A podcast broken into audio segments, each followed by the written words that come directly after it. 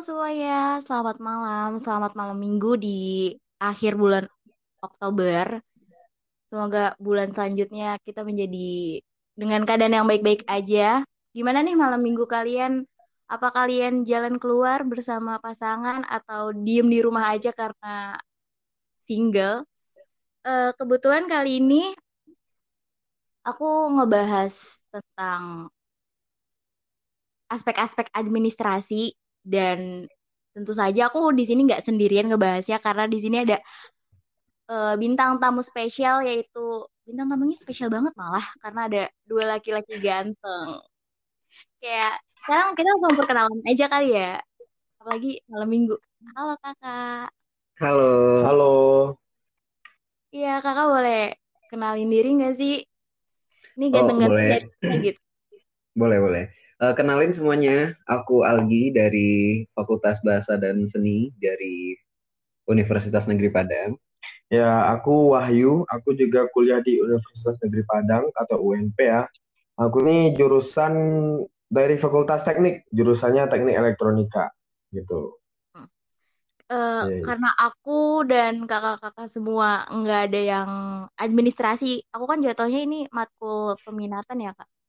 Oh iya. Semoga ini kita uh, bisa sharing dan bisa bermanfaat lah buat semuanya tentang yang kita omongin nanti gitu. Oh iya iya iya. Jadi kita kayak ngasih perspektif aja ya. Persepsi perspektif masing-masing terkait sama topik yang akan kamu bahas nanti gitu ya. Oke, sip sip sip. Iya.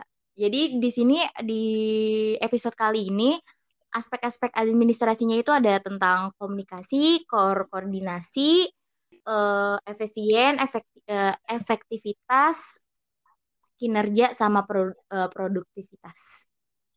Oh, oke. Okay. Ini kayaknya familiar semua ya sama kita. Kenapa? Topik-topiknya. Familiar Kenapa, semua sama kita topik-topiknya ya. Kayaknya. Oh? Kok kayaknya ragu ya, Kak?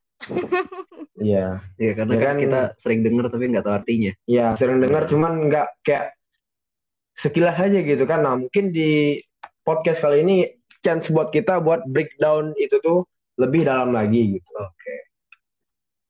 Ya, uh, menurut kakak nih ya, hmm.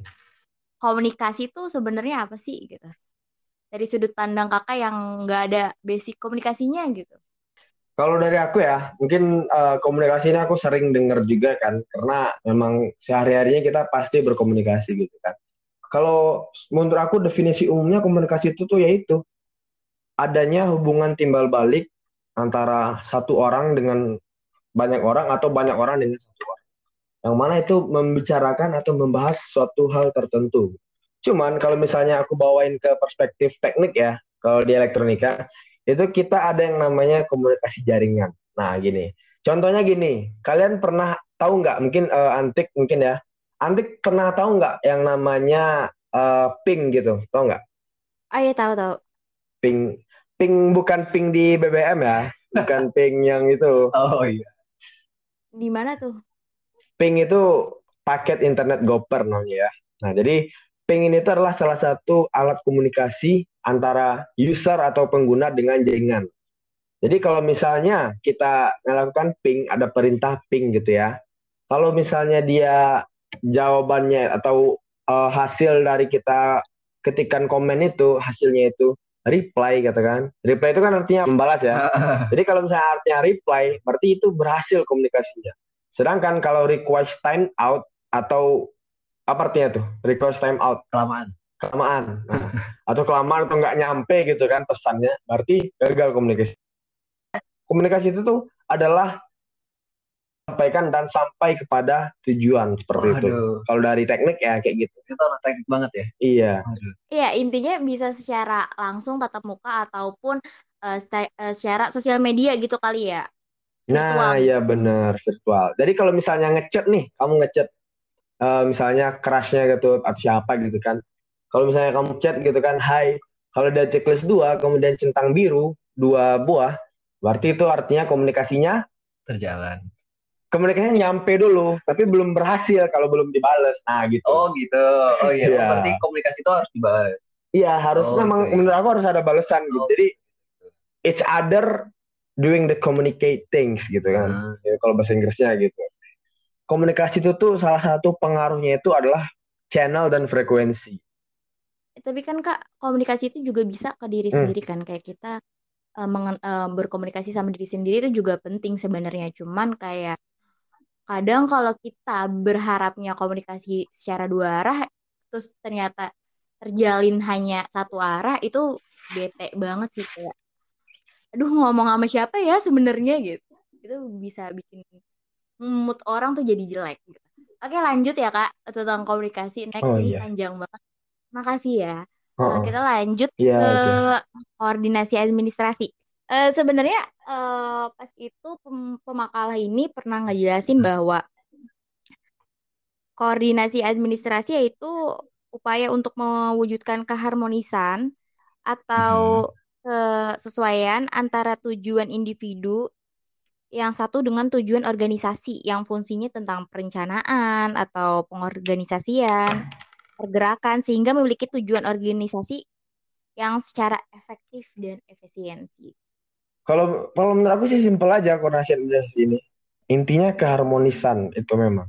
Jadi koordinasi administrasi itulah keharmonisan antara eh, jenjang-jenjang urusan yang ada dalam setiap ap- dalam semua hal gitu. Jadi nggak hanya di kayak misalnya kita anggap semua hal ini tuh kayak dengan cakupan yang luas. Kalau kita perkecil misalnya kayak di kampus gitu. Ada harmonisasi antara kebijakan dari kampus, maksudnya kebijakan tertinggi dari pihak rektorat gitu. Kepada fakultas diturunkan kepada jurusan, diturunkan kepada prodi barulah sampai kepada mahasiswa. Itu har- harmonisasinya gitu. Jadi kayak atas sampai bawah itu tuh nyambung gitu, runut gitu apa ya? Eh, ibaratnya tuh perizinannya itu dan juga penyampaiannya itu runut. Jadinya terjadi sebuah informasi yang disampaikan dengan harmonis kayak gitu sih Berarti simpelnya. kayak jatuhnya domino gitu ya. Perhaps ya kayak gitu bisa jadi. Jadi tapi eh, kal- tapi kalau dalam konteks yang koordinasi administrasi ini tuh menurut aku kebijakan gitu ya. Jadi apa yang di atas itu eh eh, ke yang di bawah itu kayak 100% gitu atau di atas 50% lah gitu. Sesuai dengan tujuan dari atas gitu. Seperti itu. Sebenarnya kayak terorgani Terorganisir. Nah, ya, itu bahasa susahnya kayak gitu.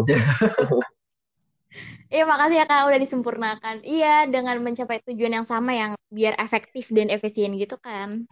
Mm-mm, betul. Jadi kalau misalnya ah iya, Iya, kan biar tujuannya efektif dan efisien. Nah, Kakak bisa ngejelasin gak sih sebenarnya efektif sama efisien tuh apa gitu? Nah siapa nih dulu Kalau nih bro? menurutku efisien itu selan tentang selancar apa sesuatu hal itu berjalan sih ya. Karena kalau misalnya kamu punya mobil, rodanya nggak ada, jalannya kan nggak efisien. Sama kayak hubungan, gitu loh. Kan hubungan itu dijalankan bersama. Itu kan masih komunikasi ya kan. Jadi kalau misalnya satu hubungan yang satunya komunikasi yang satunya kurang, itu nggak efisien jalan hubungannya walaupun statusnya dapet sih. Jadi perspektif terhadap efisiensi itu selancar apa satu hal bisa berjalan. gitu. Hmm, oke oke. Kalau Paham, paham, yang paham. efektif, efektivitas itu menurutku ya eh kayak kita beli obat nyamuk. Kalau beli obat nyamuk terus nyamuknya bisa mati gara-gara obatnya kan berarti obatnya efektif meng apa namanya membunuh nyamuk gitu ya kan. Lebih ke kayak seberguna apa sesuatu gitu loh.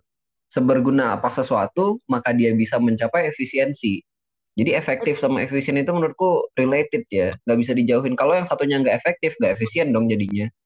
Kalau menurut aku F- dia ini apa namanya? Eh simple aja. Efektif itu eh, efisien dulu ya. Efisien itu tuh gimana caranya kita ngerjain sesuatu itu cepat, tepat, akurat. Nah, gitu.